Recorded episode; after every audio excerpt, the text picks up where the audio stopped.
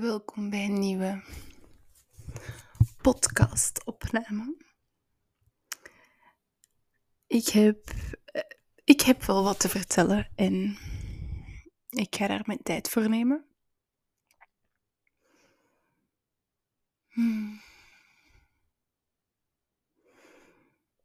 Op dit moment voel ik dat ik vooral wil babbelen over perfectionisme, over perfectionisme in mijn leven, in hoe dat, dat zich uit en hoe dat, dat welke vorm dat dat aanneemt.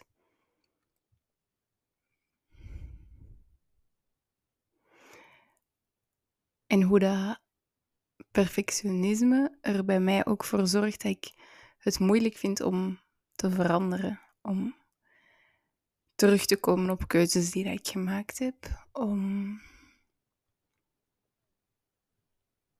los te komen van dingen die ik mij eigen heb gemaakt of los te komen van een identiteit die dat ik helemaal in elkaar geknutseld heb en waar dat ik precies niet meer van kan afstand nemen. Als in, dit is wie dat ik ben en dit is wie dat ik ga zijn voor de rest van mijn leven. En als ik uit mijn hoekje stap, dat, ja, dat mag gewoon niet. Ik moet in dat hoekje blijven zitten. Als ik um, iets kies, dan blijf ik bij die keuze. Als ik beslis om bijvoorbeeld geen vlees meer te eten, dan eet ik nooit meer vlees. Dat is heel rigide. En ik merk nu dat dat deel is van mijn perfectionisme of van perfectionisme in mezelf. Ik heb enkele maanden geleden besloten om geen alcohol meer te drinken. En dat is echt exact hetzelfde. Um, ik heb dat besloten en het lijkt alsof ik daar niet meer op kan terugkomen. Het lijkt alsof het alleen maar of dit of dat is en dat er geen tussenoplossingen zijn. Het lijkt dat het alleen maar is of ik drink alcohol en dan drink ik veel en vaak. Oftewel drink ik geen alcohol en dan drink ik het echt nooit. Maar af en toe een glaasje, dan panikeert mijn hoofd al. En dat is iets waar ik mee aan de slag ben aan het gaan, of waar ik mee bezig ben. Maar dat is ook iets wat dan nog heel, heel aanwezig is in mijn hoofd, in mijn leven. Dat ik zwart-wit denk. En al het grijs, alles wat er tussen zwart en wit ligt, dat ik dat niet meer zie. En ik had ook op een gegeven moment beslist om niet meer op Instagram te zitten. Ehm, en ik vind het zo moeilijk om terug te komen op een keuze. Om, omdat ik, ik voel het. Ah, ik voel omdat, omdat ik me gefaald voel. Omdat het voelt alsof ik iets niet kan volhouden. En omdat het voelt alsof ik me ergens in wil bewijzen. Ik wil bewijzen dat ik, ehm, dat ik zonder Instagram kan leven. Dat ik geen alcohol nodig heb. Dat ik ehm, iemand ben die geen vlees eet. Omdat ik precies op zoek ben naar dingen om mij oftewel achter te verschuilen. Of om ja, mij ergens een soort status of een soort symbool te geven. Ehm, alsof dat ik zonder allemaal extra dingen ehm, niet goed genoeg zou zijn.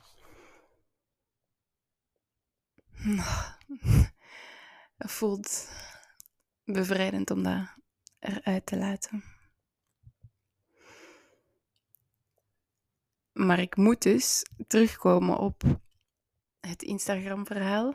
En ik ben er al enkele keren op teruggekomen, maar ik heb het gevoel dat hoe meer ik daarop terugkom en hoe meer dat ik mezelf verplicht om eraf te gaan, hoe meer ik mij schaam. Ehm,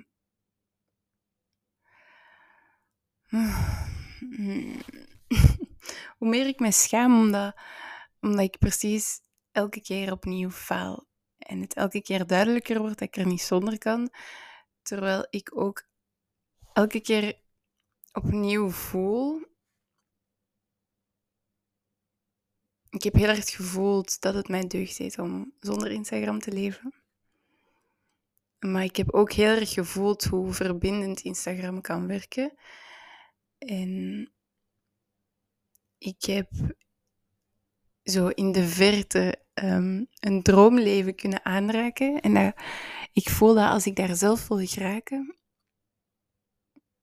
dat hoeft niet per se via Instagram te zijn, maar Instagram kan wel een weg zijn om te geraken waar ik ooit wil zijn. Of de richting, alleszins. Ik, um, want ook, ook dat is perfectionisme en ik merk dat ik daar nu ook heel erg mee zit. Um, ik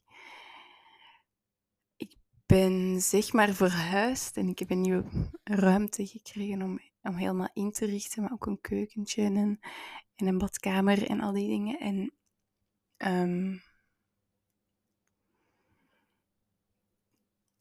ik vind interieur echt mega fijn. Ik vind het heel leuk om, om dingen in te richten, om, hmm, om zo van een plek mijn plekje te maken. Maar op dit moment voel ik dat dat, moet al helemaal klaar zijn. Ik moet de juiste kast hebben en de juiste lampen en ik moet de juiste tapijten hebben, de juiste glazen en borden. Alles moet bij elkaar passen. Ah, en, en zo, ik kan daar echt in doorgaan en ik kan echt uren op internet dingen opzoeken en um, dingen in mijn winkelmandje zetten. En dan beseffen um, dat ik eigenlijk ook nog maar 22 ben en nog geen volledig huis moet hebben. En ook dat, dat alle dingen die ik dan zou kopen of zou, of zou verzamelen, ik geloof altijd op het moment dat ik aan het kopen ben, dat dat mij dat ik dan gelukkig ga zijn en dat ik dat echt nodig heb. En dat, dat als alles perfect is, als heel ruimte hier perfect is, oh, dan ga ik kunnen ademen. Want dan, dan heb ik een plek waar ik kan thuiskomen en dan, dan is alles in orde. Terwijl dat, dat hoogstwaarschijnlijk helemaal niet zo gaat zijn. Ik heb mezelf gelukkig al heel vaak in, kunnen inhouden um, om niet al mijn geld op te doen aan aan leuke dingen, aan mooie dingen.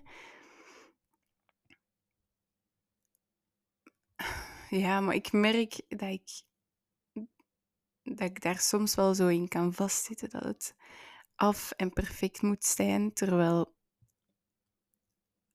het ook een proces mag zijn, terwijl dat ook traag mag gaan, terwijl ik nog een heel leven voor me heb, terwijl ik ja, de dingen hoeven niet altijd af te zijn. Ik hoef niet altijd alles helemaal op orde te hebben, helemaal perfect in orde te hebben. Soms mogen ze chaotisch zijn, hoeven dingen niet exact bij elkaar te passen. Um, soms mag er ook rommel liggen of mag er iets kapot zijn en mag dat weer vervangen worden, maar dat hoeft allemaal niet meteen. En zo, ik merk dat dat ik alles zo nu wil. Dat ik, dat ik heel ongeduldig ben. Dat ik, en ik wil nu een nachtkastje hebben dat erbij past. En ik wil ook nu een lamp. En ik wil ook nu dit en nu dat. En tegelijkertijd wil ik ook nog heel veel andere dingen. En zo dat, dat maakt dat ik mijn focus heel erg uit mezelf leg. Dat maakt dat ik, ik op zoek ben naar dingen om mij mee op te vullen, terwijl fysieke dingen gaan mij nooit helemaal gevuld krijgen. En ik kan dat soms ook hebben met, met kleren. Dat ik dan ineens helemaal niet blij ben met, met alle kleren die ik heb. En dat ik heel erg op zoek ga naar, naar dingen waarvan dat ik dan denk dat die beter bij mij passen, bij, de, bij deze versie van mezelf. Ehm, ik kan dan zoeken en zoeken en dan het zogezegd vinden. Maar ik, als ik heel eerlijk ben met mezelf, denk ik dat die, dat, dat een, een, een schijngevoel is of zo. Of dat dat voor enkele seconden mij een goed gevoel gaat geven.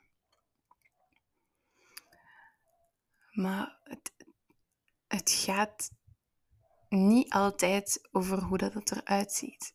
Ik merk dat ik dat heel fijn vind als dingen er heel leuk uitzien en als alles mooi zo in harmonie is en, en als dat zacht voelt en, en mij thuis doet voelen. Ik, ik merk ook dat ik... Vorig jaar zat ik op kot en had ik twee, twee kamers, zeg maar. Um, en voelde ik mij nergens echt zo thuis. En ik merk dat ik dat nu wel heb. Dat ik mij thuis voel, dat ik het gevoel heb dat ik een, een plek echt volledig kan inrichten en daar, dat ik daar echt kan thuiskomen. Dus ik geniet wel van hoe dat dingen eruit zien. En ik denk ook dat dat niet onbelangrijk is om je ergens op je gemak te voelen. Maar nog meer denk ik dat, dat het gaat om wat er van binnen speelt. Om hoe dat je je voelt. Alles kan er perfect uitzien, maar als je je hele tijd gestrest voelt en als je de hele tijd in je hoofd aan het nadenken bent over wat er nog allemaal in orde gebracht moet worden en aan het nadenken bent dat het er toch nog iets bij moet en dat het dan pas perfect is of dat het toch nog iets veranderd moet worden of toch nog maar dit of dat, dat je geen rust vindt of dat je um, verdrietig bent, dat je in angst leeft. Hoewel die dingen ook oké zijn, hè, maar het, hoe ga ik dit nu uitleggen? Het, het gaat er over hoe dat je je op dit moment voelt. Eerder dan hoe dat het eruit ziet. En ik merk dat dat een les is voor mezelf, die ik aan het leren ben. Ik merk dat ik ook gewoon echt enorm aan het groeien ben um, van binnen. Langs buiten is er denk ik nog niet heel veel verschil, maar ik voel dat ik langs binnen, of van binnen, grote stappen aan het zetten ben. Dat ik... Ik zie veel meer. Um, en daarmee bedoel ik niet van... Ik had een oog dat niet werkte en nu zie ik plots met twee ogen of zo en zie ik effectief meer. Ik... is ook wel um, het beste voorbeeld dat ik kon geven, het beste om het Anyways, maakt niet uit. um, ik zie veel meer. Ik doorzie veel meer. Ik, ik, ik zie hoe bepaalde relaties in elkaar zitten. Ik zie hoe um, gedrag bepaalde emoties kan maskeren of, of verbergen of op de achtergrond doet zitten. Of ik zie waarom dat bepaalde mensen bepaalde dingen zeggen. Ik zie welke plek dat ik heb binnen mijn gezin en um, de invloed daarvan op de relatie met mijn ouders. Ik zie hoe de relatie met mijn mama en ook met mijn papa bepaalde um, gevolgen heeft gehad, of hoe dat, hoe dat, dat bepaalde patronen in mijn leven eigenlijk in stand houdt. Hmm, ik zie hoe dat andere oudste dochters of, of ja, oudste dochters bijvoorbeeld uh, het ambitieus zijn in hun gezin en hoe dat, dat um, echt wel zo'n um, gemeenschappelijke deler kan zijn. Niet alleen het ambitieus zijn, maar ik ben er nu een boek over aan het lezen, over het oudste dochter-effect. En ik vind het heel, heel interessant, omdat het heel herkenbaar is. Ik ben zelf ook de oudste, de oudste dochter, of de, de oudste, en ik ben ook een, een dochter ehm, in een gezin van vier kinderen. Um, en ik herken mij in heel veel, wat dat mij ook wel een, een warm gevoel geeft, omdat um, iedereen zijn plek in een, in een gezin heeft en iedereen op een bepaalde manier om liefde vraagt of om aandacht vraagt, um, gezien wilt worden. En dat helpt mij bepaalde eigenschappen van mezelf te relativeren en te doorzien. Dat is ook wat ik bedoel met dat zien. Ik zie waarom dat ik mij op, op, op heel veel vlakken um, mega hard heb gesmeten. Waarom dat ik mij heel vaak heb willen bewijzen. Waarom ik alles zo goed wil doen. Waarom dat ik ook een soort verantwoordelijkheidsgevoel heb. Um, en dat is allemaal heel interessant. En ik, ik zou mij daar echt nog wel zo meer in willen verdiepen. En dan niet alleen um, over de oudste dochter, maar zo um, familiesystemen, hoe dat die, hoe dat, ja, een familie op zich, welke plaats dat je daarin neemt, hoe dat, dat van invloed is op de rest van je leven. En dan ook um, in plaats van het oudste dochter-effect um, ook eens kijken naar de jongste zoon of zo van die dingen dat ik um, in elk stukje of elke elk kind een beetje meer inzicht krijg.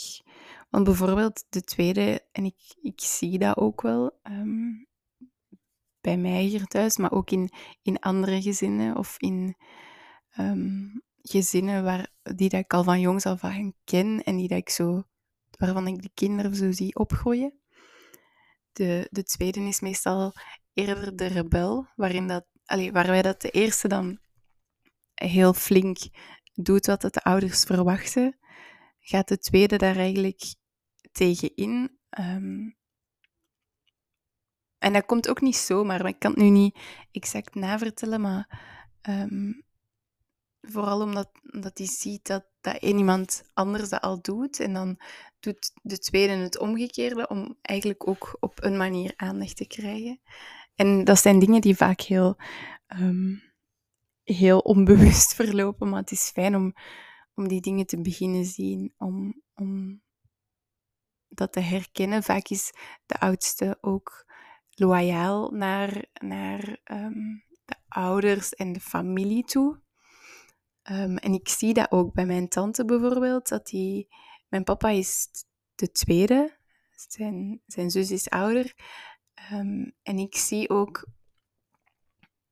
Um, of ik heb dat toch gemerkt, dat zij veel meer contact heeft met tantes en onkels. terwijl dat mijn papa dat helemaal niet heeft. Uh, hoeft zich niet op die manier te uiten, maar dat is wel interessant om, om daar op een of andere manier inzicht in te krijgen. En um, ja, dat hoeft zich niet bij elk persoon op dezelfde manier te uiten. Hmm.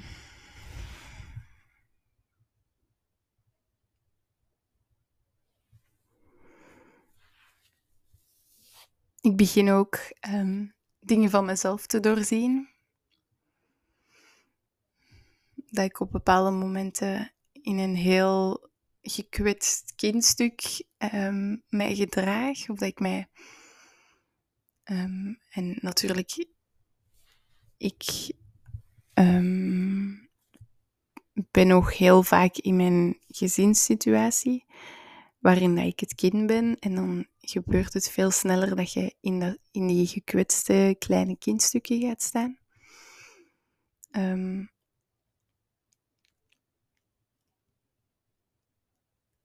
Op andere momenten voel ik dat ik daaruit aan het stappen en kruipen ben. Dat dat nog altijd niet zo vanzelf gaat. Dat zal denk ik nooit, vanzelf gaan. Um, maar ik voel mij volwassen worden. Ik voel hoe dat ik um, zo dichter bij mijzelf kom. Hoe dat ik leer expressie te geven aan, aan alles wat ik voel ik merk ook dat ik moediger ben dan ik vaak denk. Dat ik heel vaak angst voel en dan toch dingen doe die ik wil. op andere momenten dan weer voel ik angst en verlam ik en isoleer ik mezelf en trek ik mezelf terug. Die momenten zijn er echt zeker ook. Ehm, maar er zijn ook momenten dat ik de angst voel en het toch doe en dan voel hoe, dat ik, hoe dat ik aan het groeien ben, hoe dat ik stappen aan het zetten ben, uh, hoe dat ik echt vrouw aan het worden ben.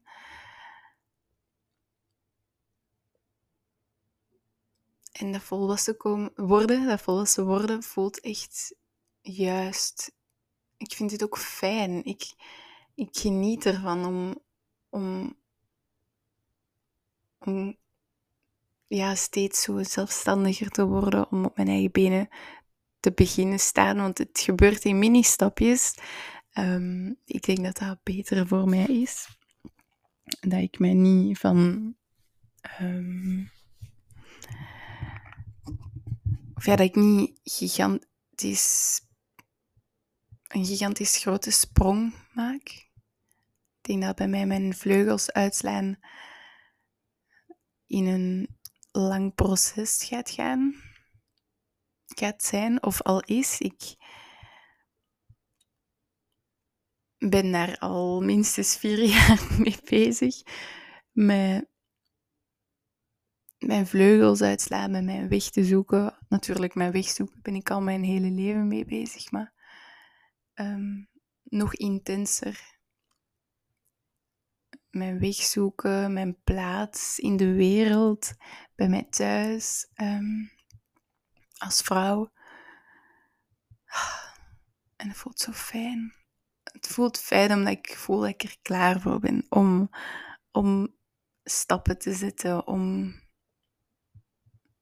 ook het mooie is misschien wel dat ik, op dit moment fysiek echt een thuis aan het maken ben, maar ik voel dat ik van binnen ook een thuis voor mezelf aan het maken ben.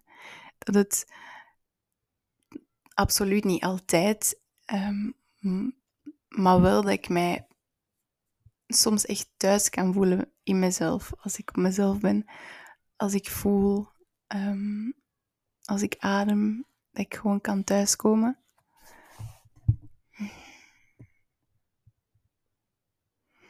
En ik het toch heb over ademen. Ik heb dus een zaadje geplant voor mijn droom, of mijn droomleven, of de richting die, die ik hoop dat mijn leven gaat nemen, of gaat inslaan. Um, en dat is mijn nieuwe Instagram-account. En hij heet Adem. En ik heb er niet heel lang over nagedacht, over die naam. Ik heb het gevoel dat um, enkele weken geleden dat een paar keer tegen mij is gezegd van... Oh, adem, adem. Of, ja, niet op een... Misschien eerder zo van... Ah, je moogt ademen, je moogt het mag allemaal veel zijn, het mag, er mag, het mag als veel aanvoelen en het mag zwaar zijn. Maar niet vergeten dat je door alles, door alles heen kunt ademen. Dat je jezelf kunt dragen en dat, dat zolang je nog kunt ademen, je er zijt en je, je het aan kunt. En met het bedoel ik alles ik merk ook dat dat mij helpt als ik, als ik mij focus op mijn adem, dan vertroebelen de monsters in mijn hoofd en dan voel ik zo de, het kleinste deeltje of zo van waaruit dat alles voor de rest voortstroomt. Maar wat dat we misschien ook wel heel, heel vaak over het hoofd zien. Zo. Dat is het begin van alles. Um, dat is iets wat we constant doen, maar waar we, denk ik, te weinig bij stilstaan.